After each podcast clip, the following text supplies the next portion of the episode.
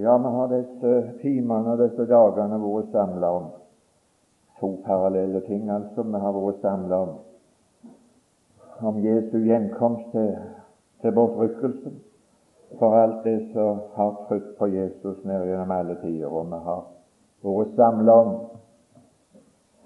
når Jesus skal komme til Oljeberget og, og drive det vonde ut med makt og gjenopprette både riket for Israel og gjenopprette et fredsrike her i denne verden for tusen år, for det skal være paradisiske tilstander som her var. Og alt det vi har hørt om det, har altså fremstilt det på en sådan måte at dette som vi venter på, det fortoner seg for oss altså ut ifra Guds ord og ut ifra det som hender som skjer, så fortoner det seg å være såre ned. Det er ikke så fjernt borte fra tanken etter å ha vært med på sånne samvær som dette her. Det er to uttrykk det som jeg har vært opptatt med i mine timer. Det har vært i forbindelse med uttrykket som jeg har lest 'Vi venter' vi venter. Men altså nå leste vi et ord i går kveld, altså jeg til slutt, og vil lese nå fra Judas brev. Altså noe som får oss til å tenke ikke bare på det vi venter på, men som får oss til å tenke på den tida vi lever før det skjer det vi venter på, mens vi venter. I Judas brev, der står i det 17. vers det er bare ett kapittel i Judas brev. Det står rett fram forbi åpenbaringen. Nest siste bok i Bibelen. 17. vers. Men dere elskede, kom i hu de ord som forut er talt av vår Herre Jesu Kristi apostler, hvorledes de sa til eder at det i den siste tid skal komme spottere som farer frem etter sine ugudelige lyster. Disse er de som skiller seg ut, naturlige mennesker som ikke har ånd. Men dere elskede, oppbygg eder på eders høyhellige tro. Be i Den hellige ånd, og hold eder således i Guds kjærlighet mens dere venter på vår Herre Jesu Kristi miskunn til evig liv. Og noen skal dere tale til rette fordi de tviler. Andre skal i frelse ved å rive dem ut av ilden. Andre igjen skal dere miskunne eder over med frykt, idet dere hater endog den av kjødet smittede kjortel. Herre Jesus, vi vil igjen få lov å vende sinnet vårt og tanken til deg ved nådens troner for finne miskunn og hjelp til rette tid. Det er det vi ber om akkurat nå. Amen. Mens vi venter. Det er noe annet enn å, å være opptatt med det vi venter på. Det var en som sa det her ganske nylig, altså etter han hadde vært på et møte her og hørt altså sterkt, Og det var altså det er jo regelmessig altså lettere å komme inn på det. Altså I adventstida så tales det mye av Jesu gjenkomst, og i forbindelse med et sånt møte så var det en som hadde hørt på det på en sånn overbevisende måte. altså at Nei, nå trenger jeg ikke planlegge noen ting, for Jesus kommer snart igjen likevel. Så mens jeg venter, altså, så er det ikke så høyt med noe lenger, for nå er det bare så kort en stund som kommer. Altså, det er jo altså ned gjennom tidene så har det vært altså det har vært den baksida ved altså en bevisstgjøring altså av forventningen av Jesus komme. Ikke bare at Jesus kommer snart, men så har det vært sånne skeive utslag. Altså at det har vært lagt sånn vekt på det at nå kommer Jesus ganske snart, så at de har gitt seg til altså å slutte både med det ene og det andre, altså å sette seg rett og slett ned på hauger og vente på at nå kommer han snart. Altså det Er det noe som har lagd forkynnelsen av Jesu gjenkomst i vanry, så så er det alle slike fremstillinger av det. Men altså hvis det er slik som Bibelen forteller oss om det, hvorledes det virker når vi blir fylte av forventning av ikke bare at Jesus kan komme en gang, og at han skal komme en gang, men hvis vi blir fylt av en forventning av at han, at han kan komme altså før jeg får blunka At det kan skje så plutselig, altså. Ja, ja, da kunne du tenke deg altså at da er det ikke så hytt med noen ting. Ja, men det vet du ikke. For ingen vet noe tid. Vi vet ikke tid, og vi vet ikke stund. Altså denne måte å vente på som vi er opplært å vente på her og nå, så lever vi i dag. Sånn begynte de å vente på de som omvendte seg til Gud i Tessalonika. Og de som omvendte seg til Gud på Bibelen, de begynte å vente med en gang. Og de begynte å vente at det var ikke engang i framtida om 1000 og 2000 år, men de venta altså umiddelbart mens de levde. Og Hvis de da hadde sett seg ned, og var noen altså, som misforsto det òg, så slutta de arbeidet. Ikke noe dagen å gjøre noen ting, for Jesus kommer jo snart igjen. Hva i verden skal vi gjøre? Derfor er det ikke bare viktig å forkynne sannheten om det vi venter på, og at det kan være i voldsom nær. Å forkynne slik som her er ordet forkynt sterkere med vel enn hvis det kan minnes altså om, om oppfyllelse av profetier i forbindelse med Israel og, og den nære Orienten der nede. Så, så lager det en forventning av at nå er han, ganske nær for dør. Da hadde jeg lyst altså at vi skulle, iallfall i denne timen som er mine siste, og så dvele ved det som her sto, hva vi skulle være opptatt med mens vi venter. Jeg har altså i tanken altså både de som måtte være unge, de yngste i lag med oss som har livet for seg, og kanskje til tross for de at du har vært på denne uka og hørt så kanskje altså du skal leve en god del med år. Kanskje du skal leve du skal leve livet ditt. Så her er det altså en oppskrift på hvorledes du skal stelle deg mens du venter på noe som du ikke vet tid vil skje. Det er det vi Vi venter på noe som vi ikke vet det minste om tid vil skje. Vi vet bare at det, det kommer til å skje, og vi venter på at det kan skje i neste time, men vi vet altså ikke noe om det. Hvorledes skal vi oppholde oss? Så sto det Jeg skal lese bare og dvele ved, med noen av disse uttrykkene, for her er det, her er det ABC, altså. For mitt vedkommende iallfall. I det 21. verset av det vi leste, så sto det Hold eder således i Guds kjærlighet mens dere venter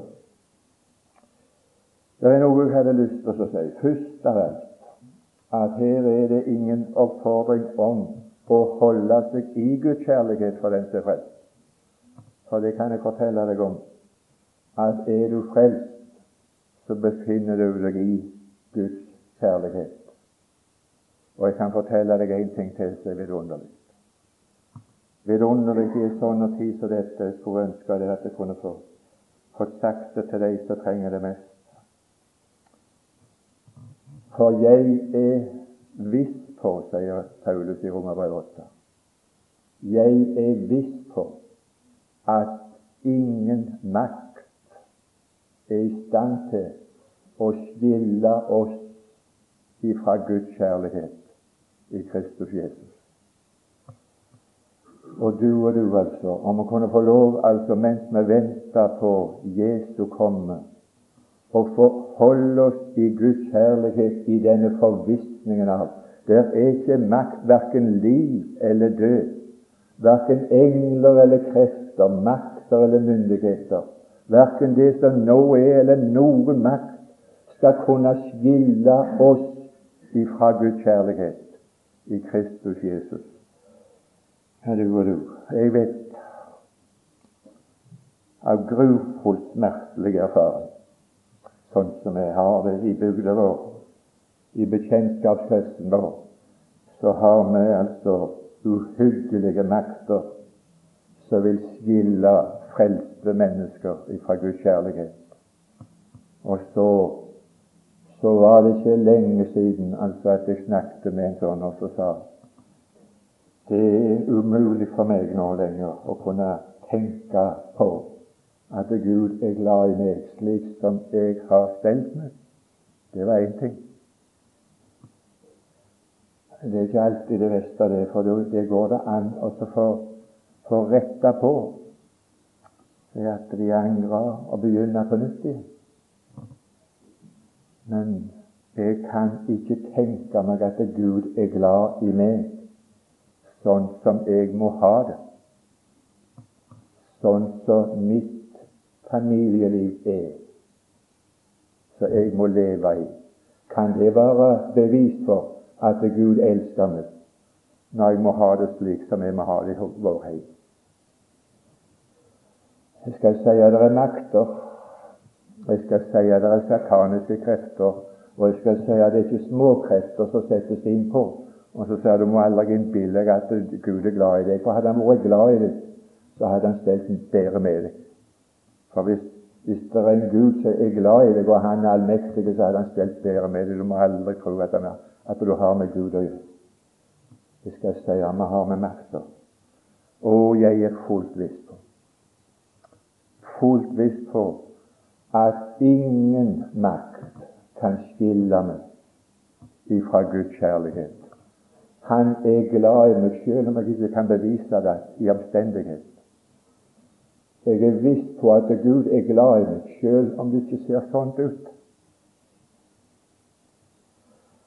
Det skal snart se sånt ut, men det er ikke alltid det ser sånt ut. Men jeg skal ikke si altså noe mer om det her nå, men det andre som sto her Det kom inn et viktig ord. Det var ikke om å holde seg i Guds kjærlighet det sto, men det sto 'Hold eder således i Guds kjærlighet'. Hvorledes var den måten så jeg du blir oppfordret til å holde oss i Guds kjærlighet mens vi venter. Ja, den første måten altså Det er forskjellige måter for oss å oppholde oss i Guds kjærlighet, så det er ingen makt som kan skille oss ifra. Og Den første her, det var i det 20. vers. Men dere elskede, oppbud eder på eders høyhellige tro.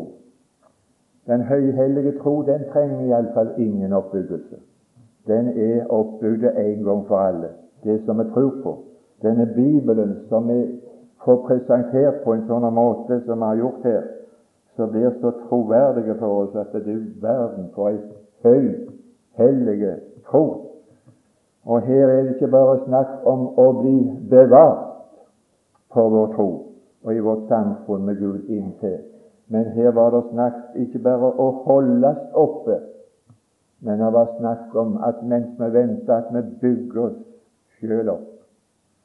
Og jeg hadde lyst til å si til deg som var iallfall tidlig på livet Hva vil du bruke dagene og framtida? Hva vil du bruke livet ditt til? Er du fornøyd med å bli er du, Det er vanskelig. Du må altså unnskylde meg hvis jeg sier noe som blir forkert. Altså, Jeg har iallfall en god mening med om det skulle komme det. Det, det, det er forferdelig Ja, det er forferdelig viktig å bli bevart. altså. Gud hjelpe meg at jeg ikke får si noe som skulle misforstås. Men jeg vil si det at det er viktig at du ikke blir fornøyd med at du sjøl kommer til himmelen. Men at du mens du venter, så bygger du deg sjøl opp hva som? Hva tror du at Gud er interessert i at du skal bygge ditt liv opp som? Å, men du har spolert altfor mye allerede av livet ditt. Så restene du har igjen, på grunnlag av det du har hørt, som vi har å vente på, som kan være så nær for døra, så er det om å gjøre at du bruker den tida som du har igjen, til å bygge deg sjøl opp på den aller helligste tro. Her er så mye iallfall som vil rive ned, men det er noe som trenger å bygges opp. Jeg skal lese hva det står i 2. Peters brev når vi venter. Der står noe om det samme. Mens vi venter, så står det i det andre Peters brev, det tredje kapittel og det ellevte vers og det ellevte vers, ja. Hvor må dere da strebe etter hellig ferd og Guds frukt i det dere venter på Jesu gjenkomst? Jeg hadde lyst til å spørre, etter det du har hørt Du har gått og hørt om Jesu gjenkomst, du har hørt om, om det som skjer med Israel, at han er i ferd med å samle dem til den dagen han skal komme igjen til Oljeberget og reise det opp. Hva har du tenkt å bruke resten av ditt liv til å strebe etter? Hvor må da dere streve etter? Hva vil du strebe etter? Jeg vet altså at det som er ellers så jeg og du streber etter, det er iallfall ganske andre ting enn det som vi blir oppfordret her. Mens vi venter, så burde vi strebe etter en hellige ferd og en gudsfrukt. Og den hellige ferden og gudsfrukten som vi skulle strebe etter Jeg skal lese hva det var for noen ting. Det er lett for oss å, tenke på at det der er noe sånn. Nå blir jeg en helgen, og da blir jeg altså Jeg vet ikke hva, jeg vet ikke hva du tenker på altså i forbindelse med strevet en hellig ferd og Guds frykt. Men i det 15. vers av det samme Peters brev der, så er det en oppfordring. Og akt vår Herres langmodighet for frelse således som òg vår elskede bror Paulus har skrevet om til eder etter den visdom som er ham gitt, like som òg i alle sine brev, når han i dem taler om dette, om Herrens langmodighet for frelse. Jeg vet ikke om du altså kunne tenke deg å bruke noe av livet ditt til og så strebe etter å gjøre deg kjent med og begynne å gi akt på Herrens langmodighet for frelse. Det er det som Herren er opptatt med. Og han har langmodighet med menneskene. For det at, at de skulle bli frelst, det sto, det sto mer der i det, i det der tredje kapittelet i 2. Peters brev. Det står, det står i det niende vers da, men han har langmodighet med dere, da han ikke vil at noen skal fortapes, men at alle skal komme til omvendelse. Gud i himmelen gi at vi ikke bare venter passivt på Jesu gjenkomst, men Gud gi oss som har fått fornya denne forventningen, altså, at Han kommer og at han kan komme snart, slik at den forventningen kunne skape denne streben etter å gi akt på Herrens langmodighet for frelse, han som vil at ingen skal fortapes, men at alle skal bli frelst. Og Jeg skal si du skal få noe å gjøre. Jeg skal si du skal få noe å bruke livet ditt på og så lese Paulus sine brever i det lyset, i den hensikt at du prøver å gi akt på hvor stor langmodighet Herren har for å frelse et menneske. Når Han ikke vil at noen skal fortapes, men at alle skal bli frelst. Skal ikke prøve på å, å lese noe som sier noe, men jeg hadde lyst til å lese om, for mest. så står det i Romerbrevet det andre kapittel og det fjerde vers. Der står det om, om rikdom. Og en rikdom som jeg er glad for jeg har fått litt gitt noe akt på.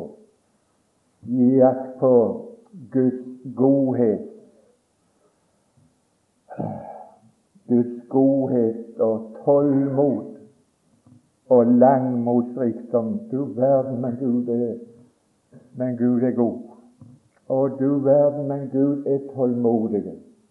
Du verden, men Gud er langmodig når han venter på at et menneske skal bli frelst. Jeg kjørte alt opp gjennom ifra en Sverre nå til bibeltimen, og så sier han Sverre idet vi kjører forbi et hus her bor det en mann som ble frelst under vekkelsen. Han er 84 år.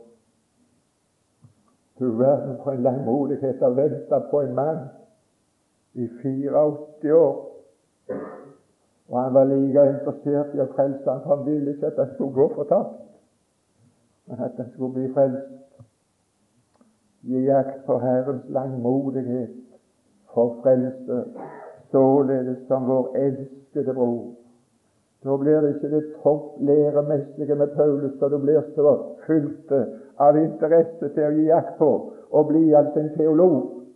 Men du blir interessert i å gi akt på det som kan være til frelse for et menneske.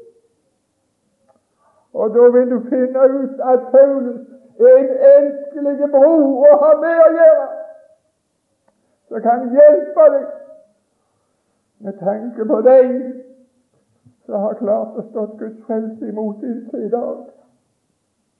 Guds godhet, tålmod og langmotsrikdom. Hvor lenge har du tenkt å vente? Han står Han står for døra, og han banker. Vi hørte her nede i kjelleren et intervju med Torre Frøysland. Jeg tror jeg hadde hørt det før, men jeg hadde jo aldeles glemt det ut. Men det var altså for ingenting at det går rykter om om Abraham Thomsen som den store sjelevinner som sto i vekkelse rundt omkring.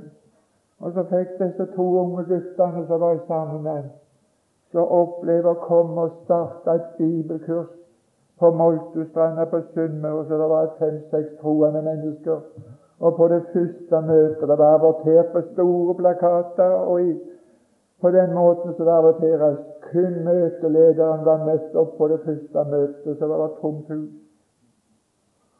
Da hadde de bruk av en som hadde gitt akt på Herrens langmodighet for frelse gjennom den Abraham Thomsen.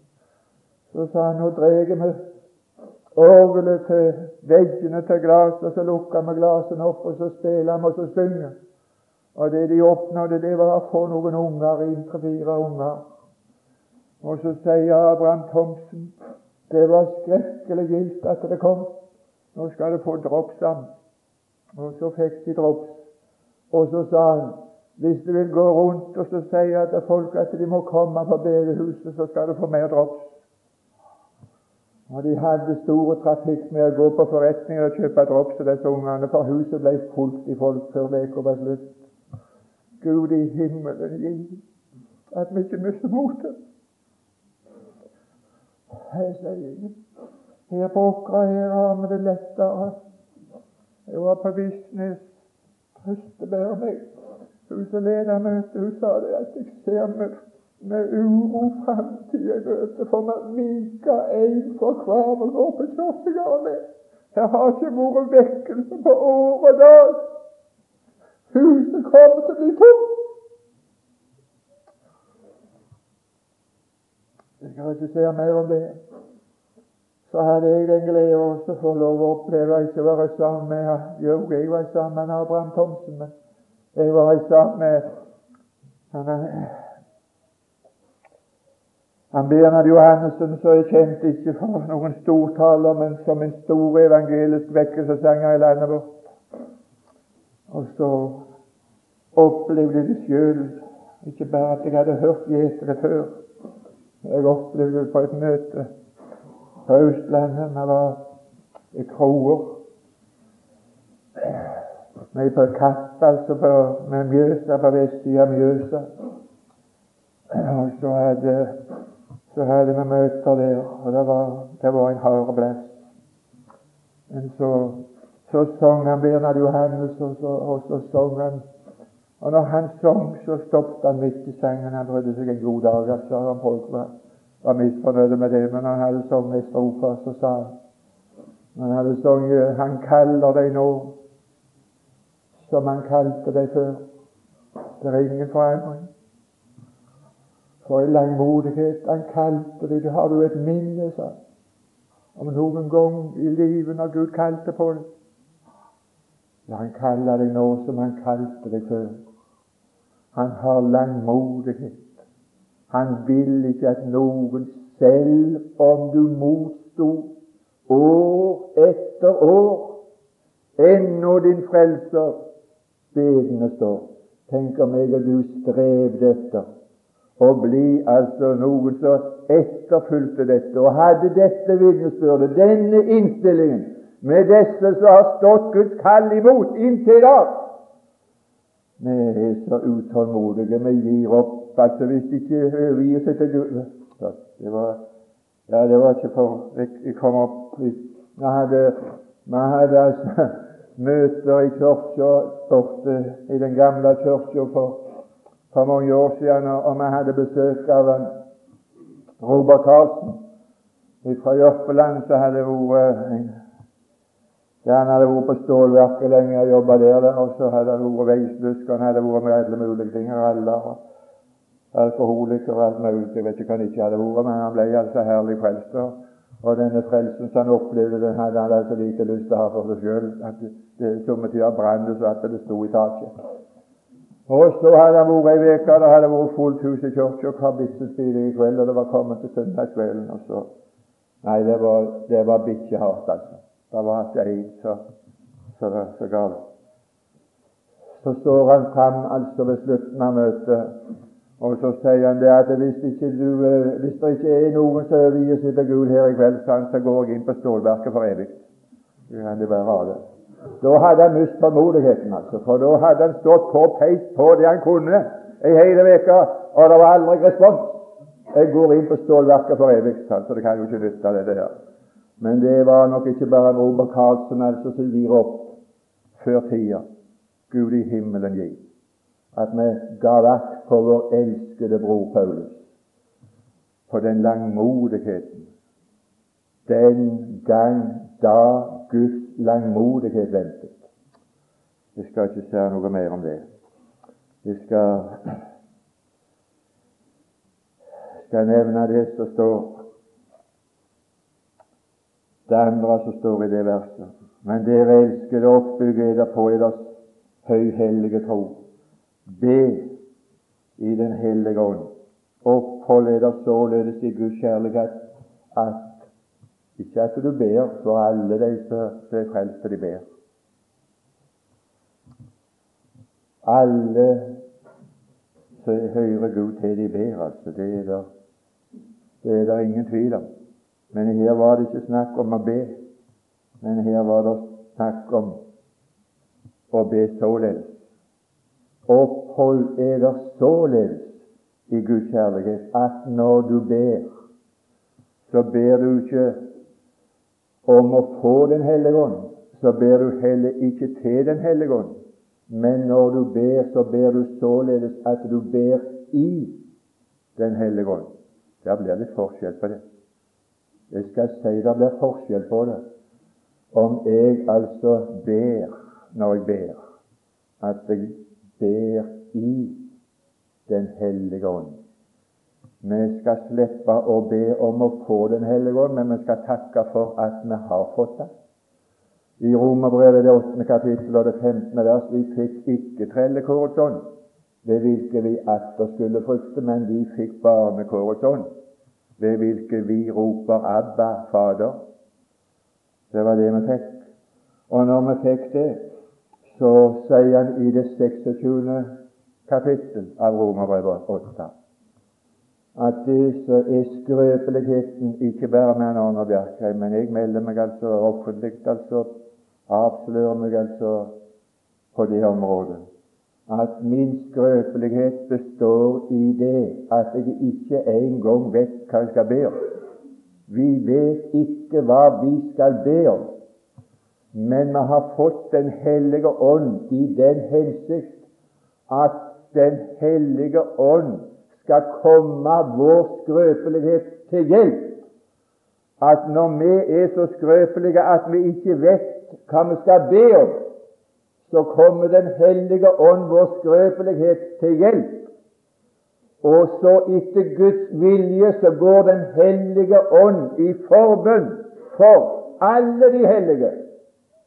Og Gud som ransaker hjertene. Han som ransaker ditt hjertes ønske. Han vet hva Åndens attrå er.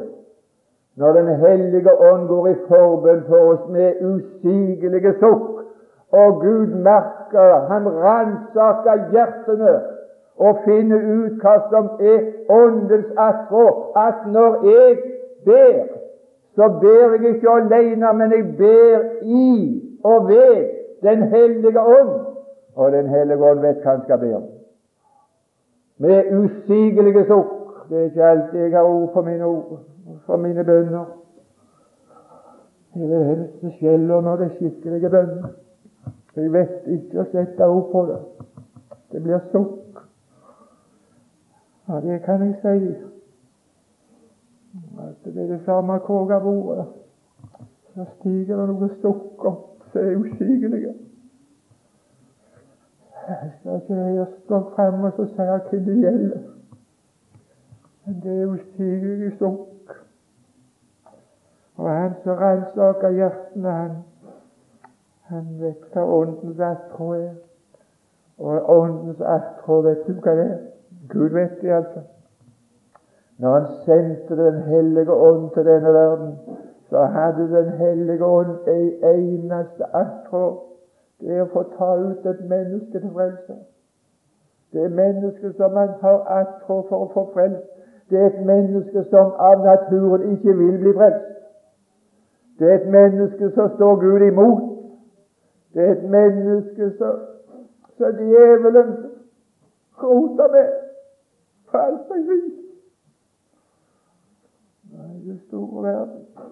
Man var med, i en grusomme tider, og så, så, får du en telefon, eller så får du en som gir deg et ord å gjøre, så, så er det slutt med rusen. Så er det alene, alene, så du blir glad i. Så det har gått riv roskende skal for.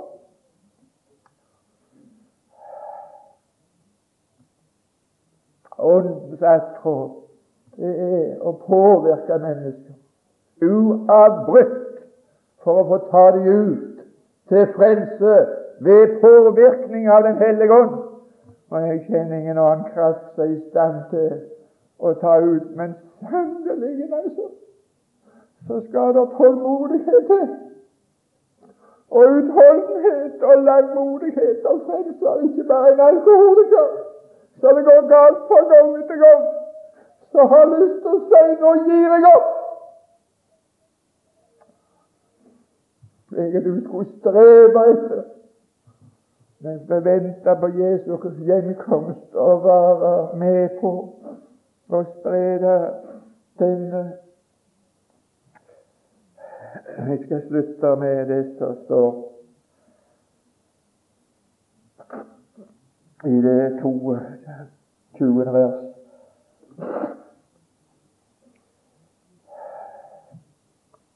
Noen Det er, er forskjell på ufrelste folk. Store forskjell. Noen ufrelste mennesker, står det i det 22. vers, skal dere tale til rette fordi de tviler i den nye, ikke, ikke Wislers bibel, men den andre autoriserte bibeloversettelsen.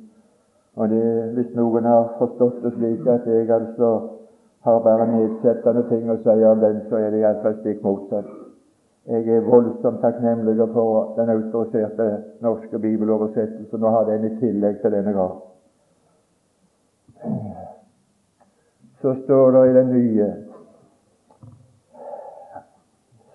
om det verset som jeg nå har lest. Og noen skal dere tale til rette fordi de tviler. I det nye står det den som tviler, skal dere ha barmhjertighet med. Jeg vet ikke om det er det tvilerne opplever i møte med det. At de opplever at du er barmhjertig med dem. Når jeg kom hjem den natta etter 102, så satt det altså fullt hus timer han ordnet. Og det var mange ufrelste der. Og når jeg kom inn der, så så var det bare én ting jeg var interessert i. Det var det som jeg hadde hørt. Men så var det en av de som sa jeg kan ikke bli jeg, kan, jeg får det ikke til å bli kristen, for jeg er jeg, jeg får det ikke til å tro.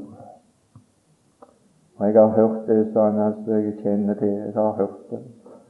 At skal du tro, så, så er tro Det står der i Bibelen òg, altså at tro er full, full visshet, og det er overbevisninger. Jeg må bare melde passende jeg er ikke i besittelse av full visshet. Så sier jeg det til han altså at det Jeg vet ikke hva jeg skal si, altså, at jeg sa, men vi snakket iallfall en god del om det. så Jeg prøvde iallfall å praktisere det som sto her. Den som tviler, den skal du være barmhjertig mot. Og så sa jeg til ham nå skal du få høre noe som jeg hørte, sa jeg, altså av en, en troende venn som jeg har. Han gikk på sykebesøk til en syk mann som var ufrelst. Og Det er ikke så spøk altså, å få utretta ærende på folkevis altså, til å gå i sykebesøk til ufrelste folk. Men han fikk nå på en skrøpelig måte få utretta ærende den første gangen. Men altså hvem som var mest misfornøyd, enten det var han som hadde vært i sykebesøk, eller det var han som hadde fått, det vet ikke jeg, men jeg tror de var misfornøyde begge to etter det der første møtet. Men så gav han ikke opp med det. Han gikk på sykebesøk en gang til, denne karen. Og så sa han 'Hvordan går det med deg?' 'Hvordan det går med meg?' 'Jeg skal fortelle deg det, hvordan det har gått med meg siden du var her sist.' sist han. 'Jeg tror det har bikka over.' Bikka over? Hva mener du nå? Jeg tror, jeg tror det har stått på vippen, sa han. 50-50. Men nå tror jeg det bikker over rette vei. Ja, det holder, det. Hvis det er 51 altså, så holder. Altså det spørsmålet når du har en sånn vikt, altså de der greiene som de, de kan hete altså, så, så skulle det ikke mye til altså, å få det til å bikke over på den rette sida. Men så skulle det ikke så mye til å bikke over på his heller. Men nå hadde han vært på sykebesøk, og det resulterte i at når han kom tilbake, så hadde det bikka over rette vei. Og var det full visshet? Nei, det var langt ifra full visshet, men han var i selskap med en så det står om i Markus evangeliet, det 9. kapittel, det 24. vers. En som sa til Jesus, 'Hjelp meg, jeg tror, men du må hjelpe meg i vantro'. Han ble altså hjulpet. Nei, altså, det du er, vær helt, ikke stykkevis og det skulle altså det være forutsetning til i verden kunne da bli frelst. Å, altså, vær barmhjertige mot den som tviler. Får de å bikke over den rette veien, så får de gå med så mye tvil de vil, bare de har for mer, litt mer tro enn tvil. Han, jeg, jeg, jeg, jeg, tror det har bikka over den rette veien. Det var flott. Andre igjen skal du frelse ved å rive de ut av ilden.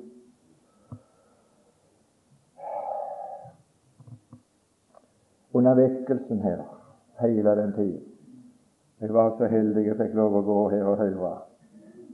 Det var en sterk vekkelse og en sterk forkynnelse.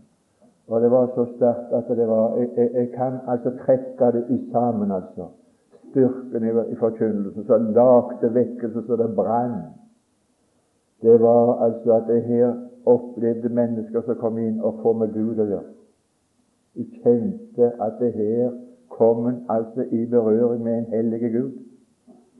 Og det andre som de stifta bekjentskap med når de kom på møtene her, det var at for en synder å få berøring med en hellige Gud, det er som å komme inn i ilden. Og jeg har aldri så lenge jeg lever, har levd, jeg tror ikke om jeg legger i sammen alt det jeg har hørt forkynt av fortapelse, så tror jeg altså til sammenlagt så var det ikke så mye som jeg fikk høre her under vekkelsen. Det var så sterkt. Og hadde det ikke vært sånn hellige ånds atmosfære, så hadde det, det lagd en uimotståelig motstand. Men her var det mennesker som fikk med Gud å gjøre og opplevde at en hellige Gud er som en ild. Og kommer du ikke ut av den ilden, så går du inn i en evig ild. Vi snakket med flere av disse som opplevde det for første gang i sitt liv. Jeg har aldri vært på møter før, og så opplevde det her. De kom inn i ilden, og så ble de frelst ifra ilden ved å bli revet ut av ilden. Du verden, altså. Det er vekkelse, det. Og det som opplevde det, det står i Sakarias, det tredje kapittel. Og Der står det om ypperstepresten Josva, og ypperstepresten er en representant. Og det du ser lest om ypperstepresten, så representerer han andre. Og hvis du da tenker deg sjøl stående der som ypperstepresten sto, så sto han for Herrens åsyn i skitne klær. Og så sto Satan på sida av han og anklage Nå skal jeg fortelle deg, han trengte ikke lyge. Han trengte ikke å dikte for å ha noe å anklage for. Og den måten som vedkommende ble revet ut av ilden på, så står det er ikke denne mann her en brann revet ut av ilden. Og det som gjorde at denne mannen som opplevde der han sto, å være i ilden, fordi han var i skitne klær. Han opplevde å bli reven ut av ilden ved å tie og samtykke. At han godtok anklagen. At han godtok det var sant. Erkjente 'jeg er fortapt'. Og så ble han revet ut. Han var fremdeles en brann. Det ryker av oss alle sammen. Ja, der kom en stor røyk av oss, men ilden var slukna i den brannen. Når han kom ut av ilden, så var han redda fra ildens ødeleggende virkning. Det er ikke bedre med oss noen når vi er sammen og er for mye i nærheten av en sam, Så kjenner vi en sur røykelse som river oss i nesen, som er sier. Og den er lite behagelig.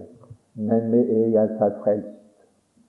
Brann som før var i ilden, og nå er min bransje er revet ut av ilden. Det er noen det ryker mye av her. Du må, du må forbarme deg over dem, altså. For de er ikke i ilden lenger. Men det ryker. Det ryker mer og mindre. Det siste så sto det andre igjen. Skal dere miskunne nedover med frykt. Og Nå vil jeg si at den nye autoriserte bibeloversettelsen er glimrende som kommer med, med den måten som de skriver det der, for jeg må ærlig tilstå at sånn som det står her Andre igjen skal dere miskunne dere over med frykt i, dere, i det dere hater endog den av kjødet besmittede kjortel. Ja, det der vet ikke jeg hvordan du forstår. Men altså den nye bibeloversettelsen får det over i et annet norsk. Andre skal dere ta eder av med forsiktighet. Og grunnen for det at når du skal ta deg av et ufrelst menneske, at du må være forsiktig, det er så dere til og med avskyr kappen som er flekket av sanselighet. Den som du skal ta deg av, han vil se ditt ytre, at du er temmelig besmittet av sanselig du òg. Du er ikke så åndelig at det, at det, at det, at det Så du, du, må ikke innbille deg at du er noe når du skal ta deg av et ufrelst menneske. Nei, jeg innbiller meg ingenting. Jeg innbiller meg at jeg er en brann. Jeg innbiller meg at jeg er smittet av sanselighet.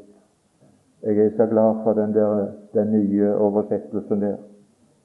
Andre, når du skal ta deg av dem, så må du være voldsomt forsiktig med dem, så at du kan komme dem til hjelp at de ikke tar anstøt.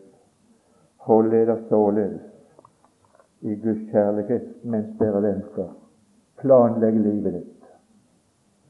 Du som er ung, hva vil du bruke livet ditt til? Bruk meg, nådefulle frelser, som det her behager deg. Planlegg det med denne måten, og strebe etter å få lov å gi akt på Herrens tålmodighet så han har, for han vil ikke at noen skal gå fortapt, men at de skal bli frelst. Herre Jesus, Du som har hørt på alt det som her har vært lest og sagt og forkynt. Herre, du vet vi venter. Vi venter at du kommer, og vi venter at du kan komme hva tid som helst, når som helst. Men Herre Jesus, gjør oss maksimalt aktive, opptatt med det som er din hovedinteresse før du kommer, at de må bli frelst. At de